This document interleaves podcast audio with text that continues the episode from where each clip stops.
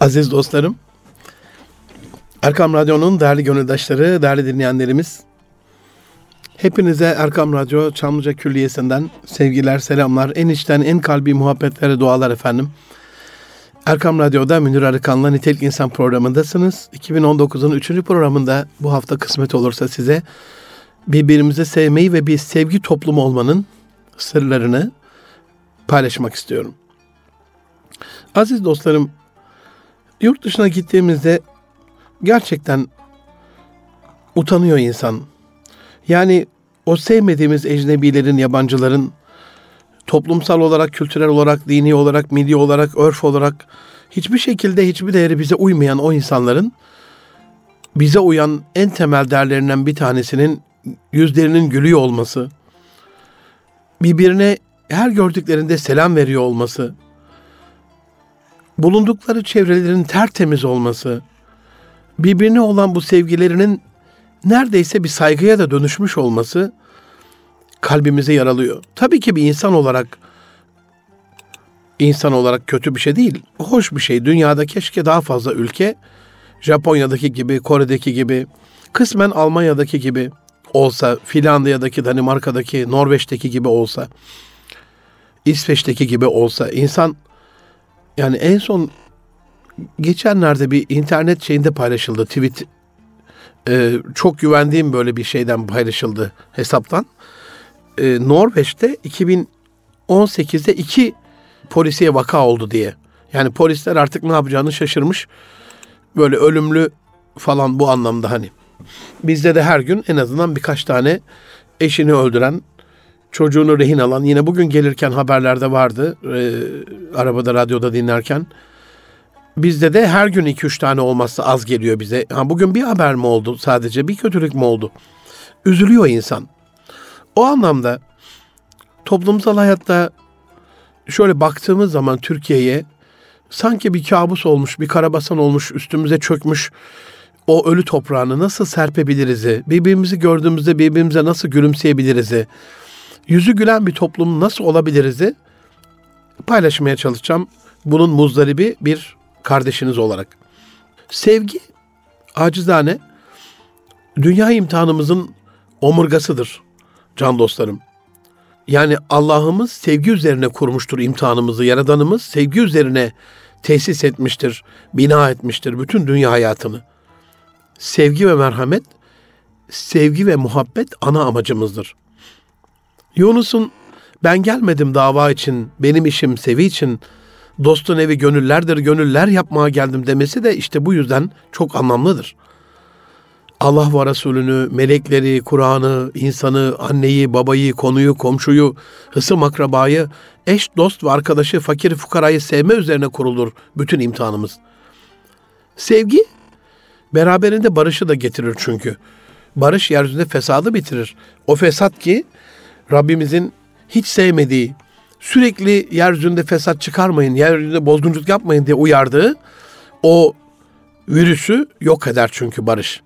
İmar ve inşayı başlatır, ıslah ve irşad eder, geliştirir, dönüştürür, kaynaştırır. O açıdan bulunduğumuz bir yerde bir anne olabiliriz, bir baba olabiliriz, bir patron olabiliriz, bir çalışan olabiliriz. Bir sosyal örgütte, sivil toplum kuruluşunda, vakıfta, dernekte bir gönüllü olabiliriz. Okulda bir öğretmen olabiliriz. Bulunduğumuz yerde acaba ben buraya sevgi getirebildim mi beraberimde diye düşünerek girersek ortama sonucun çok daha farklı olacağını düşünüyorum acizane. Yani bir öğretmen arkadaşımız benim bugün bu sınıfta bulunma sebebim bugünkü hazırladığım müfredata göre zümrede aldığımız karara göre şu üniteyi, şu bölümü, şu dersi vermem diye düşünmesin lütfen. Bugün ben sınıfın kapısından içeriye sevgimi beraberimde getirebildim mi? Zaten insan severse o çocuklarıyla, o yavrularıyla alakalı çok daha farklı şeyler olur. Hiç merak etmesin. Ya da bir baba evine girerken ya da bir anne çocuklarına böyle bir konuşma yaparken, bir ikramda bulunurken, bir akraba bir ziyarete giderken, bir refakatçi bir hastanın yanında kalırken, bir ziyaretçi bir hastayı ziyaret ederken, işte ben bugün hasta olan hastanede işte şu poliklinikte yatan şu akrabama, şu yakınıma, şu arkadaşıma ne götüreyim? Bunun telaşına gireriz. Kolonya mı alalım, işte meyve mi götürelim, bir havlu mu alalım? Acaba içimizde sevgi var mı? Gerçekten yanık bir sevgi var mı içimizde? Onu gönülden seviyor muyuz? Yürekten seviyor muyuz? Yoksa gelmedi demesinler. Ya o kadar hastanede kaldık gelmedi demesinler diye yasak mı savuşturuyoruz? Sevmek o kadar çok önemli, o kadar çok önemli bir unsurdu ki hayatımızda. Sevmek bir imani şarttır, vecibedir, zorunluluktur, sorumluluktur. Sevgi olmadan olmaz. Çünkü İslam sevgi olmadan imanı kabul etmez. Gerçekten imanı kabul etmez. Peygamber Efendimiz sallallahu aleyhi ve sellem canım kudret elinde olan Allah'a yemin ederim ki diyor bir gün sizler iman etmedikçe cennete giremezsiniz.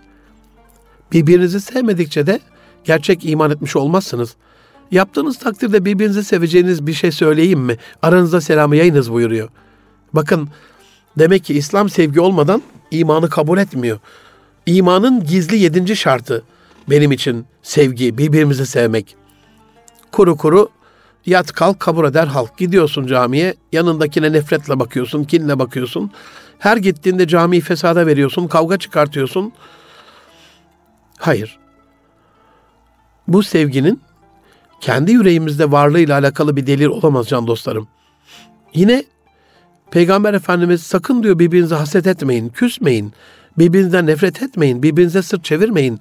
Ey Allah'ın kulları kardeş olun. Demek ki sevgi gerçek anlamda bir zorunluluk ve sorumluluk bizim için. Yunus'un yaradılanı yaradandan ötürü severiz demesi boşuna mı acaba? Onun emaneti sevgi, sebepsiz değil bir sebebi ve hikmeti var. Bize o canlılar aleminde, o varlık aleminde bitkiyi, çiçeği, böceği, her şeyi belli bir sebebe göre yarattıysa, hiçbir şey sebepsiz değilse buna göre düşünmemiz lazım aziz dostlarım. Yahya bin Muaz'ın bununla alakalı muhteşem bir tanımı var. Çok sevdiğim. Gerçek sevgi diyor, iyilik gördüğünde artmayan ve kötülük gördüğünde eksilmeyen sevgidir. İnşallah birbirimize karşı sevgimizin öyle olduğunu. Zaten zihinde insan bir varlığı, bir arkadaşı, bir akrabayı ben bunu seviyorum diye kaydediyorsa, kaydı böyle alıyorsa sonuç hep iyi oluyor. Geçenlerde internet üzerinden çok sevdiğim bir can dostumla küçük bir tartışma yaşadık. Yani bir yazışmaya bağlı bir sor, yanlış anlaşılmaydı yani. Amel olarak yapılan bir şey değil ama işte ben bir şey yazmışım. Onlar yanlış anlamışlar. Bir de grup içerisinde bir şeydi. Ama o grupta onu en fazla yanlış anlayan çok sevdiğim o kardeşimdi. Ve ben o kardeşimi çok seviyorum. Yani çok sık görüşmüyoruz. Ondan sonra mesela ayda bir görüştüğümüz bir arkadaşımız. Bazen iki ayda bir. Ama periyodik görüştüğümüz bir kardeşim. Ve ben onu çok seviyorum. Gerçekten çok seviyorum. Örnek bir insan. Yemeğine dikkat ediyor, kilosuna dikkat ediyor, dostluğuna dikkat ediyor. Kendi e, ubudiyetine, ibadetine yapabildiği kadar koşturmasına Türkiye'de dikkat ediyor. Yani bu ülke için, gençlerimiz için, ailelerimiz için önemli bir insan. Yaptığı işlerden dolayı ben onu seviyorum. Karakterinden dolayı ben onu seviyorum. Kişiliğinden dolayı, kimliğinden dolayı ben onu çok seviyorum. Bana karşı böyle biraz üstürupsuz bir e, mesaj attı. Benim çünkü mesajım direkt ona değildi. Grupla alakalı, grup içinde bir şeydi. O fazla alındı herhalde. Onunla alakalı da bir şey olmamasına rağmen gerçekten böyle kalp kıracak bir mesaj attı. Ben içimden şunu geçirdim. Ben bu kardeşimi çok seviyorum. Ve bir daha görüşünceye kadar hep içimden bunu bir zikir gibi telkin ettim kendime. Ben bu kardeşimi çok seviyorum, çok seviyorum. Ben onu çok seviyorum. Gerçekten ben onu çok seviyorum. Ve daha sonra görüştüğümüzde aramızda böyle bir kinin nefretin olmadığını gördük. O şaşırdı mı şaşırmadı mı bilmiyorum ama ben hiç şaşırmadım. Çünkü ben onu çok seviyorum. Zihninizden bunu söylediğinizde yapılan bir yanlış bile olsa affedebiliyorsunuz. Üstelik Mevlana ben edebi edepsizden öğrendim diyorsa yani haşa bu arkadaşım kardeşim edepsiz değil ama yani kalbinizi kıracak bir şey yapsa bile yani edepsiz bir kişi bile olsa sevgi dolu bir bakış bunu ne kadar güzel iyileştiriyor, tedavi ediyor. Yüce Allah'ın Kıyamet gününde benim rızam için birbirini sevenler neredeler? Bugün onları benim gölgemden başka gölgenin bulunmadığı günde kendi gölgemde gölgelendireceğim diye buyurması boş yere değil can dostlarım. Birbirimizi sevdiğimizde çok daha güzel oluyor dünya. Ahmet Zeylan ağabeyin Antepli hemşehrimin kulağını çınlatalım. Geçen sene programıma konuk olduğunda hatırlayacaksınız bir anekdotunu anlatmıştı. Küçücükten daha böyle 5-6 yaşlarında belki 7 yaşında bile değil.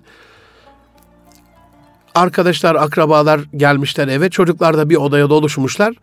Ve akşamın bir vakti ne yapacaksın ki işte o yıllar düşün böyle 1930'lu 40'lı yıllardan bahsediyoruz. Televizyon yok, radyo yok. Ondan sonra cep telefonu elhamdülillah yok. Akıllı telefonlar henüz çocukların aklını almadığı bir dönem. Ne yapılır? Güreş yapılır. İşte biraz coşulur. Yastık savaşı yapılır. Yani çocukluğunuzdan hatırlayın yani. Ahmet Zilan ağabey de onu yapıyor. Bütün o komşu çocukları, akraba çocukları yastıkları atmaya başlıyorlar. Yastıklar da biliyorsunuz yani Antep yastıkları yünden olur yorum. Zahmetlidir böyle yapması. O pamuk atran diye böyle geçerler o yünü attırırlar böyle bir şekilde e, yumuşatırlar, temizlerler, ayıklarlar. Çünkü bir ara sertleşir o. Onu tekrar böyle pamuk gibi yumuşacık yaparlar. Zahmetlidir yani. Tekrar kılıfından çıkartırsın, onu yıkarsın, serersin, kurutursun. Tekrardan böyle lif lif bir ayıklarsın. Tekrar o kılıfın içine tıkarsın, dikersin, kılıf geçirirsin. Zor iştir yani. Çocuklar şimdi bu yastık savaşına girince coşmuşlar kendi aralarında. Aniden kapı açılmış. Annesi rahmetli kapıda belirmiş. Ne yapıyorsunuz demiş siz burada. O anda Ahmet İlhan ağabey dikkat etmiş. Bir bakmış yerler yün olmuş, yastıklar parçalanmış, kılıflar sökülmüş. He? Çok şey söyleyebilir. Rahmet olsun validesi. Ama şöyle demiş. Ahmet'im demiş. Sen beni seviyor musun? Seviyorum ana demiş. İnsan sevdiğine böyle yapar mı demiş. İnsan sevdiğini üzer mi? İnsan sevdiğine bu kadar zahmet verir mi? Onlar demiş bilmiyorlar. Senin uyarman lazım değil miydi? Bak annem çok yorulur şimdi, annem çok üzülür şimdi. İnsan demiş sevdiğini üzer mi? Sevdiğine zahmet verir mi? Ve bir mihenk taşı olmuş Ahmet Dilan ağabeyin hayatında. Hocam demişti ben bu tarihten sonra hiç kimseyi üzmemeyi ahdettim.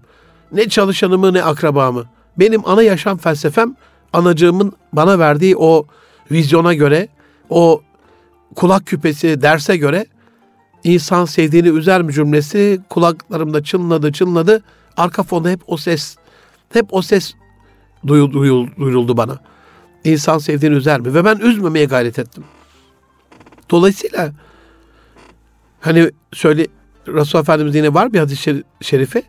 Sizden biri diyor kendisi için sevdiğini, istediğini, arzu ettiğini din kardeşi için de sevmedikçe, istemedikçe, arzu etmedikçe gerçek imana eremez. Yani her istek Sulya'nın bir şeyi var böyle. Başka bir insanın mutluluğu, güvenliği ve gelişimi için bizim kendi mutluluğumuz ve güvenliğimiz ve gelişimimiz kadar çabalamadığımızda olmaz diyor. Dolayısıyla biz en az başka insanın mutluluğu, güvenliği ve gelişim için bizim kendi mutluluğumuz, güvenliğimiz, gelişimimiz kadar çalışmamız, çabalamamız, onun mutluluğun da bizim mutluluğumuz kadar önemli hale geldiğinde bir sevgiyi ortaya koyduğumuz ortaya çıkıyor. Başka türlü sevgi olmuyor. Hep kendimize, Rabbena hep bana oluyor o zaman. O da bize o güzel mutluluğu sağlamıyor. Sevmenin ben acizane aziz dostlarım, Erkam Radyo'nun değerli gönüldaşları bir terapi olduğunu düşünüyorum. Gerçekten bir tedavi olduğunu düşünüyorum. Bir iyileştirme olduğunu düşünüyorum. Seven insanlara, yüreğinde sevgi olan insanlara baktığımızda uzun ömürlü olanların daha fazla seven insanlar olduğunu görüyoruz. Yani hormonal bir denge sağlıyor bedensel olarak. Hormonlar daha dengeli oluyor. Sevgi insanı zinde tutuyor. Ona yaşama sevinci aşılıyor. Sevgi varsa içeride biraz sabretmeye, daha fazla şükretmeye sevk ediyor. Sevgi fedakarlık yaptırıyor. Sevgi olduğunda ve bu çok yüksek olduğunda insanı sorumluluk sahibi yapıyor. Anadolu'da vardır yani hala böyle bir erkek evladını yurt dışına ya da işte Ankara'ya, İstanbul'a, büyük şehirlere okumakla alakalı, çalışmakla alakalı göndereceklerinde bunun başını bir bağlayalım derler. Ne demek? Yani gittiği büyük şehirde ayağa kaymasın. Sorumluluk sahibi olsun, sevsin, sevdiğine bağlansın. Ve burada bir sevdiği olduğunu bildiği için nişanlarlar mesela yapamazlarsa sözlerler.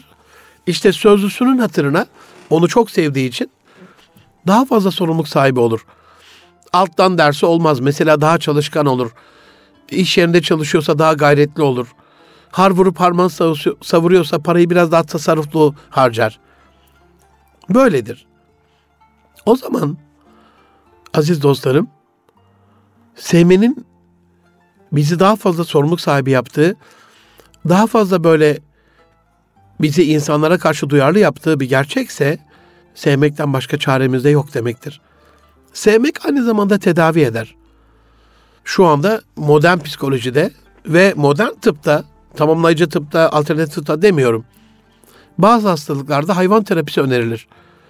Çocuklarla ilgili özellikle çünkü hastanın ya da o çocuğun hormonal yapısını düzenler.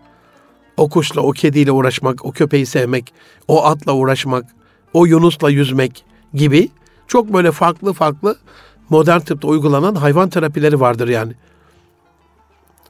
Yani hayvan sevgisi bile insancıldır, insanidir can dostlarım.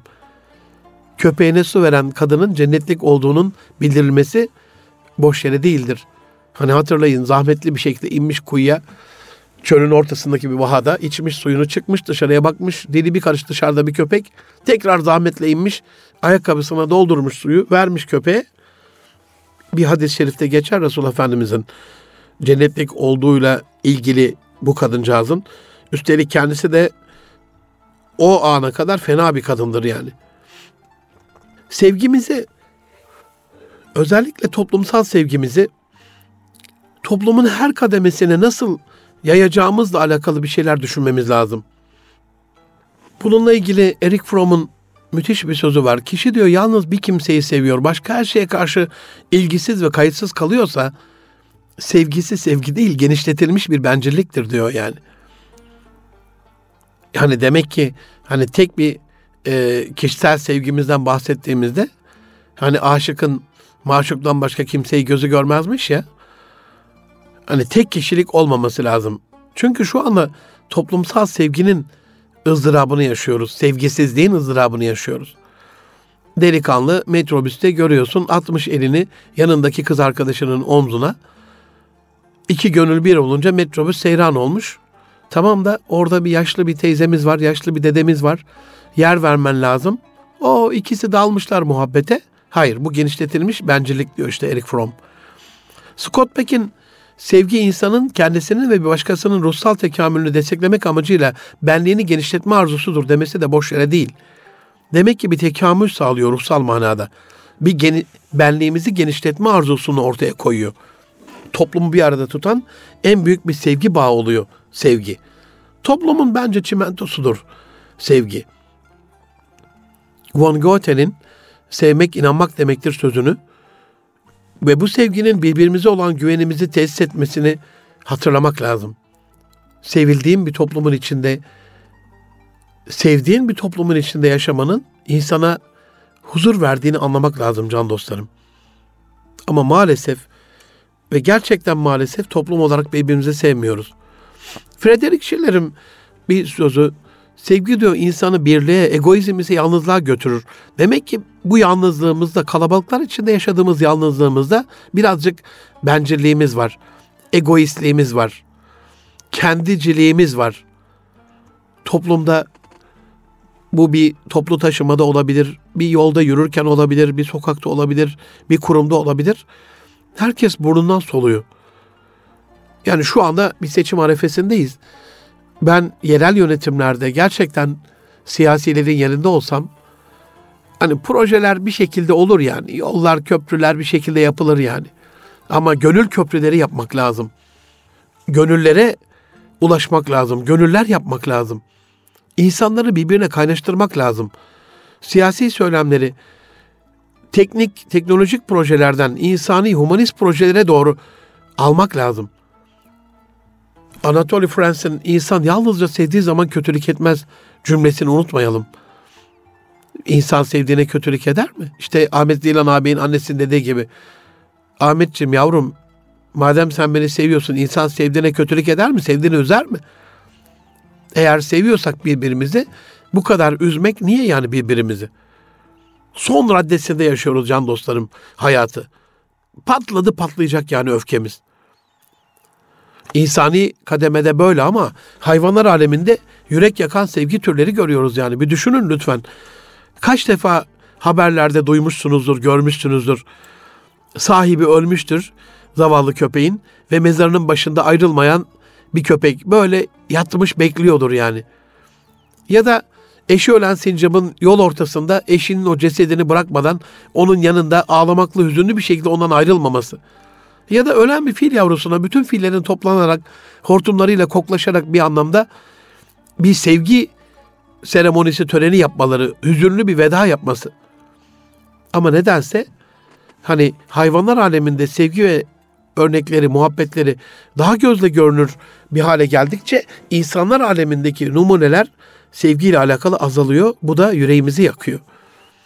Bence artık yeter yani. Yurt dışından örnekleri sürekli yurt dışından vermelerimiz yeter. Bu toplumun sevgisinin örnek olması lazım bütün dünyayı. Ama maalesef milli olarak da milletimize sevmiyoruz.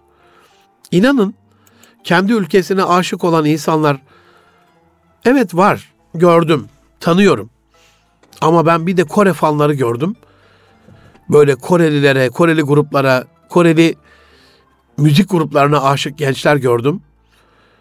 Can dostlarım yani varsa tanıdıklarınızdan, hısım akrabalarınızdan Allah kurtarsın diyeyim. Yoksa Allah hiç bulaştırmasın diyeyim. Hani Kore bizim için dost ve müttefik bir ülke. Kore'yi severiz. Gittik orada onların geleceği adına savaştık. Şehit verdik, gazi olduk. Kayınpederim Necati babam da bir Kore gazisi. Yani Kore ile bir alıp veremediğimiz yok ama bu Kore fanlığı farklı bir şey yani. Saçlar değişiyor, yüzler değişiyor, konuşmalar değişiyor, davranışlar değişiyor, beslenme alışkanlıkları değişiyor. Hayatları Kore'ye gitmek ve bir Koreli ile evlenmek haline geliyor. Kore, Kore, Kore. Hani gönül Kore diye atıyor böyle. Kendi milletiyle gurur duymayan insanımız için acı bir durum olsa gerek yani. Ve çok tanıdığım var. Tanıdıklarımdan evlatları Kore fanı olan insanlar da var. Allah yardımcıları olsun. Bir kere bile tartışamazsınız onlarla. Yani kendi milletinizi hor hakir görebilirsiniz. Müslümanlara hakaret edebilirsiniz. Hiç gönle dokunmaz ama Kore'ye laf attığınızda o Kore fanları haddinizi bildirir yani. Peki nasıl bir şey bu? Çok duymuşsunuzdur. Lütfen beni affedin. Abi bizim milletimiz çok öküz ya.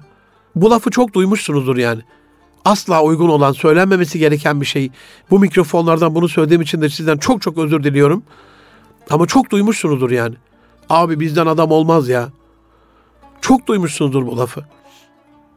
Peki bir insan milli olarak kendi milletini sevmezse, kendi örfünü sevmezse, kendi kadim değerlerini sevmezse, kendi ülkesini sevmezse, vatanını sevmezse, milletine öküz derse, bizden adam olmaz derse kendini nasıl görebilir? Kendi kendi de o milletin içinden değil mi?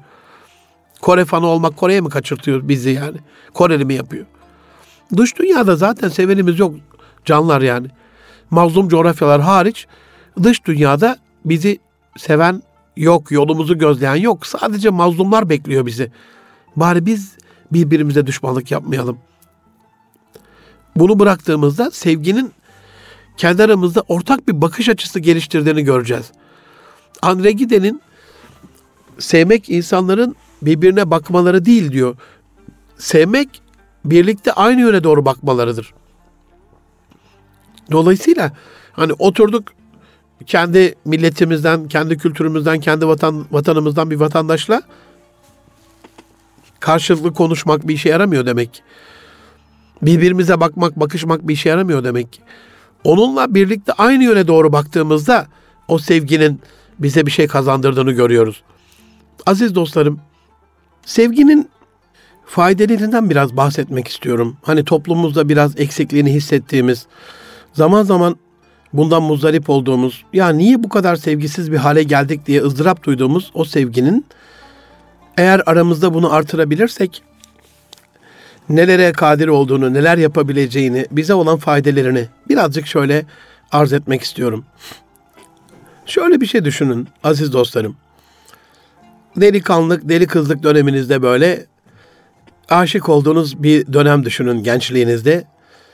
Böyle gerçekten Allah'ın emri peygamberin kavli böyle ruh ikiziniz yani asla ve asla ayrılmayacağınız, evlenmekten başka bir şeyi asla düşünmeyeceğiniz ideal bir eş düşünün.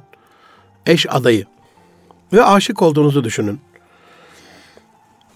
Bu adaya aşık olduktan sonra acaba davranışlarınızda nasıl bir değişiklik olurdu? Şimdi onu düşünün lütfen.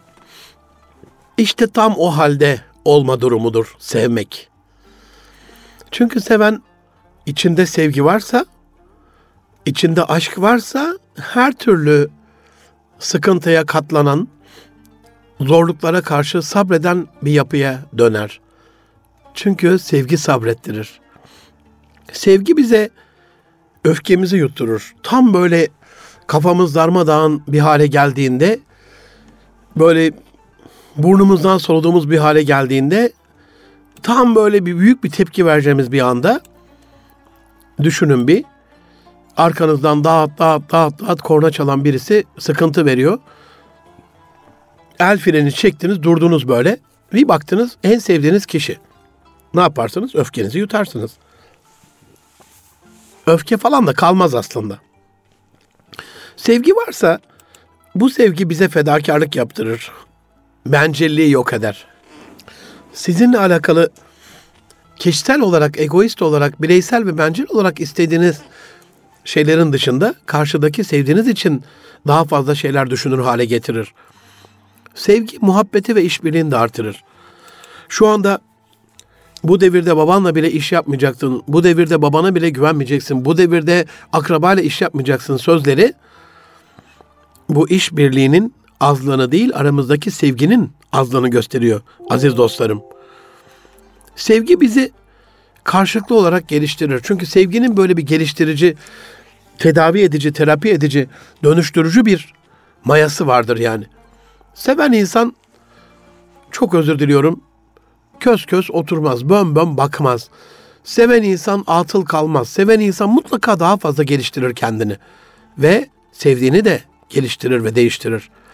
Sevgi varsa bu sevgi bizi birbirimize güzelce kaynaştırır. Toplumsal olarak 81 ilde şu ana kadar 465 ilçede can dostlarım seminer yaptım ve hala da yapmaya devam ediyorum. Çocuklarımızın 18 milyon vatan evladı ilk orta lisede 4 artı 4 artı 4'te ve yaklaşık 7 milyon üniversiteli gencimizin üniversitelerde kaynaştığına şahit olmadım. Çok anlı şanlı okullarda bile, çok gönlü güzel hocaların refakatinde bile gençlerimizin kendi arasında kaynaştığına şahit olmadım. Evet, aşkıyla, aşık maşukuyla, bireysel bencil, biricik böyle bir sevgi var. Çift diyoruz ya bunlara. Yani iki kişiyi görüyoruz. Ama üç olmuyor bunlar, dört olmuyor, on dört olmuyor. Herkes kendi bireysel sevgisinin peşinde. Halbuki ben bu hafta size toplumsal sevgiyi anlatıyorum. Eskiden bizim zamanımızda vardı. ODTÜ'de forumlar yapardık, toplanırdık. Bir meseleyi ortaya koyardık. Bunun müzakeresini yapardık. Yurtta sabaha kadar bu tarz sohbetlerimiz, toplantılarımız olurdu.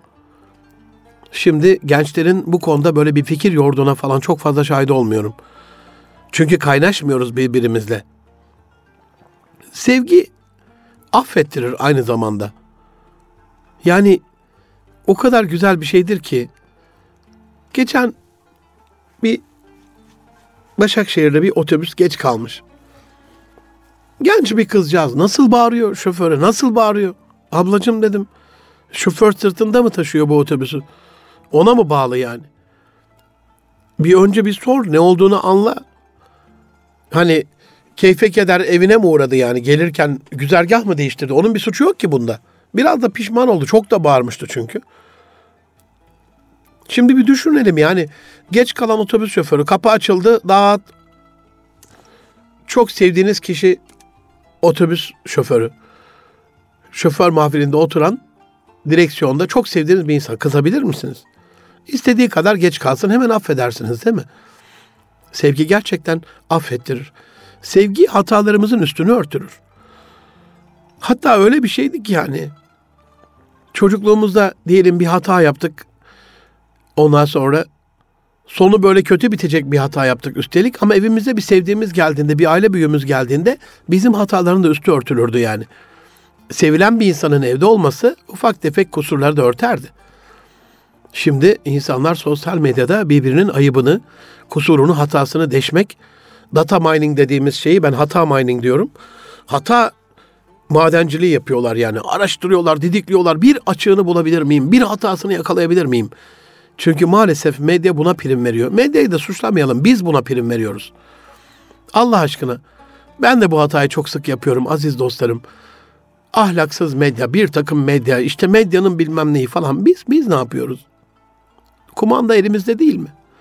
Bizim evimizde televizyon yok gerçi yani ben o lezzeti uzun yıllardan beri tatmadım ama eğer lezzetse niye o eşini kaç yerinden bıçakladı çığırtkanının kan damlayan vahşetini izliyoruz ki niye niye?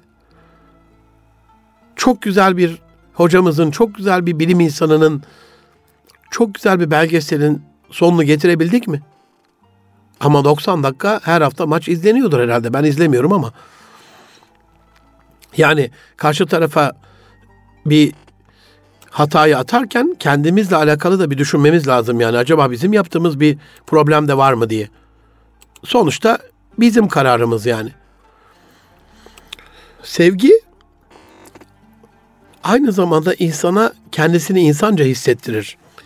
Sevgi o kadar güzel bir şeydir ki yani seven insan kendisini daha hissetmeye başlar. Sevilen insan kendisini daha hissetmeye başlar. Ve insanın gerçekten kendisini daha iyi hissetmesi, daha değerli olduğunu hissetmesiyle sonuçlanır. Değerli insan bir kötülük yapamaz. Sevgi bol bol iyilik yaptırır. İyilikler onu o gönle yerleştirir. Gönülde iyilik olduğunda bal küpü sirke sızdırmaz aziz dostlarım. O insan daha güzel konuşur, daha iyi hitap eder, daha güzel şeyler düşünür. Sevgi aynı zamanda iyi bir maya olduğu için kötü fikirleri de yavaş yavaş zihinden uzaklaştırır. Bulunduğunuz toplumda bölgesel olarak mahalle, semt, şehir, il, ilçe, kasaba, köy neresiyse artık sevmiyorsanız orayla alakalı hep aklınızda kötü şeyler vardır. En azından karşı tarafla ilgili kötü bir şey yoksa bile kendiniz terk diyar edeceğinizle alakalı bir kötü fikir vardır. Orayı dönüştürmemekle, orayı değiştirmemekle ilgili bir inançsızlık vardır. İşte sevdiğiniz takdirde şöyle düşünün. Bir köydesiniz. Öğretmensiniz veya orada orayı ziyaret eden böyle bir turistsiniz. Yerli bir turist düşünün dolaşıyordunuz yolunuz bu köye düştü. Baktınız insanlar size karşı kibar değil, insanlar sizi sevmiyor, işte orada birbirine karşı iyi değil falan filan neyse. Ama gönlünüz bir köylü kızına düştü, aşık oldunuz. İşte Allah'ın emri, peygamberin emri, evlilik vaki oldu. Evlendiniz ve hanımefendi köyünden çıkmak istemiyor. Ne olur? Artık o köyü sevmeye başlarsınız. O köyde kalmaya karar verdikten sonra artık o köyü dönüştürmekle alakalı bir şeyler yapmaya başlarsınız. Fedakarlık yapmaya başlarsınız etkinlik yaparsınız, kitap getirirsiniz, sohbet yaparsınız, ziyaret yaparsınız, komşuları birbirine kaynaştırırsınız. Sevgi o kötü fikirleri yok eder çünkü. Sadece sosyal yaralardan bahsetmiyorum can dostlarım. Sevgi varsa sevgi hastayı bile iyileştiriyor. Görüyorsunuz şu anda refakatçilere bile daha iyi muamelede bulunmaları alakalı hemşirelere, doktorlara, sağlık görevlilerine, sağlık hizmetlerine, hastalara daha böyle sevgi dolu davranmaları alakalı bir şeyler söyleniyor. Geçen bir eczacılık kongresindeydi. Bir sunumum oldu Antalya'da. Canlar dedim eczacı kardeşlerime. Ya reçetenin arkasında telefon numaramızı alıyorsunuz zaten. Kaç lira dedim ya Allah'tan korkun. Yani bir evi aramak 16 kuruş 8 kuruş arası bir şey yani. Arasanız ne olur dedim yani. reçete sahibinin kim olduğunu biliyorsunuz. Hangi hastalıktan dolayı ilacı aldığını biliyorsunuz. İsim soy isim belli, hastalığı belli. Niye kullandığını biliyorsunuz. Süresi belli. O antibiyotiğin kaç günde biteceği belli. Ne olur yani 6. günün sonunda tam da öğlenliğin bitiyorsa öğleden sonra arasanız 2 gibi 3 gibi efendim Ahmet Bey'in kullandığı antibiyotikle alakalı bizden aldığınız, eczanemizden aldığınız antibiyotikle alakalı kayıtlarımıza göre bugün bitmiş olması lazım. Umarım hep vaktinde aldınız ve umarım şifa buldunuz. Geçmiş olsun diliyoruz. Bir düşünün kendinize ne hissedersiniz can dostlarım. Ya bir toplum olarak bunu yapmak çok mu zor? Birbirimize değer vermek çok mu zor? Peter Drucker öyle söylerdi. One of the most important things is to establish unusual connection. Alışılmadık bağlar kurabilmek derdi hayatta en önemli şey. Establishing or making an unusual connection. Alışılmadık bağlar, bağlantılar kurmak. Biz hep şeye bakıyoruz işte efendim eczanemize geldiler, merhabalar, geçmiş olsun, hoş geldiniz. Buna bakıyoruz. Yüz yüze iletişim.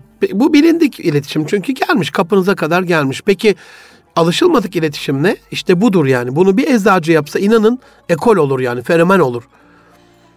Doktoru dinlemez o eczacıyı dinlersiniz. Doktorun verdiği ilaca güvenmez o eczacıya güvenirsiniz. Hoş eczacı da doktorun verdiği ilacı değiştirecek durumda değil ama hani güven tesis olur yani. Sevgi varsa insanlar birbirine saygı duyar çünkü. Daha saygılı olurlar yani. Hazreti Ali radıyallahu anh sevgi diyor dostlara saygılı olmakla güçlenir. Hani sevgi varsa birbirimize daha fazla saygılı olmak. Ama biz şimdi sevgi varsa genelde sevgi kulvarında giderken saygı yan kulvarda kalıyor. Onu ihmal edebiliyoruz yani. Çok zor bir şey değil ki sevdiğimiz bir evladımız, yeğenimiz, akrabamız bizden de küçük bile olsa geldiğinde ayağa kalkmak, sarılmak, hoş geldin demek, muhabbet etmek, konuşmak, güler yüz göstermek. Canlar çok zor olmasa gerek. Sevginin bizi toplumsal olarak da iyileştirdiğini, ruhsal olarak da, bilişsel, duygusal, gönülsel olarak da iyileştirdiğini unutmamak lazım. Masaru Emoto'nun Japon bilim adamının bir su deneyi var çok meşhur. İki tane su şişesini bir tanesini küfrettirerek, bağırtı, çağırtı, kötü sözler söyleterek bir tanesine de merhabalar, güzel sözler, selam, enerji, iyilik sözcükleri söyleterek deney yapıyor. Sıfır derecede hatta eksi 7, 8, 15'e kadar dondurduğu suyun kristalleşmesinin sevgi sözcüğü dinletilen kristallerde suda kristalleşmenin muhteşem olduğunu, dizilimin muhteşem olduğunu, nefret, şeytan, kötülük söylenen suyun da kristalleşmesinin çok böyle kötü olduğunu, moleküllerinin bozulurcasına böyle kristalleşmenin inanılmaz iğrenç bir şekilde döndüğünü söylüyor. Hatta çok özür diliyorum. Seni aptal, you fool diye tekrarlanılan 500 defa suyun molek şey falan kalmıyor kristali. Darmadağın oluyor yani. Su girdabına dönüyor. O gördüğünüz o kar kristalleri. O eşsiz şekiller. İnternette bununla alakalı olumlu olumsuz bir sürü şey var. Kabul edenler var, reddiye yazanlar var. Caner Taslaman gibi. Ama ben bu deneyin birbirinize kötü lakap takmayın emrince kesinlikle gerçek olduğuna inanıyorum canlar. İnsanın %75'i su çünkü. 40 kere deli dersen deli oluyorsa insan demek ki moleküllerimize dışarıdan gelen bir ses tesir ediyor. Çocuklarımıza güzel isim koymakla emrolunduysak demek ki isim ismiyle müsemma diyoruz ya hani tesir ediyor insanlara. Zaten sevginin bir ispatı da ifadenin güzelleşmesi değil midir? O açıdan eğer içimizde ülke olarak sevgi varsa ki şu anda yok, yok olduğunu görüyorsunuz. Dağda, kırda, bayırda, metrobüste, otobüste, uçakta, okulda, evde, çarşıda, apartmanda, asansörde bir sevgi açlığındayız. Doyuramıyoruz birbirimizi. Eşler olarak, çocuklar olarak, evlatlar olarak, kardeşler olarak bir sevgi açlığı yaşıyoruz. Bunun bazı sebepleri var. Bir kere biz toplumsal sevgi yok edicileri dediğimiz bazı canavarlarla karşı karşıyayız. Mesela seviyoruz, sevgi var ama hep kendimizi seviyoruz. Seviyoruz ama hep kendi menfaatimiz için seviyoruz. Seviyoruz ama otistik seviyoruz. Otizm dediğimiz şey kendicilik. Hani bazı otistik çocuklarda olur. Dikkatini kendinize doğru çekemezsiniz yani. O anda kendi uğraştığı bir şey önemlidir yani. Dikkatini asla size vermez. Kendi önemsediği şeylerin peşinde gider. Yunanca bir kelimeden geliyor yani autist. Kendici. O anlamda otistik olduk. Yoksa otistik çocuklarımıza bir sözümüz ya da kişilere bir sözümüz yok. Allah'ın verdiği bir farklı fıtrat. Ama otistik karakter başka bir şey otizmden. Hep kendi cemaatimizi seviyoruz. Otistik cemaatler diyorum ben buna.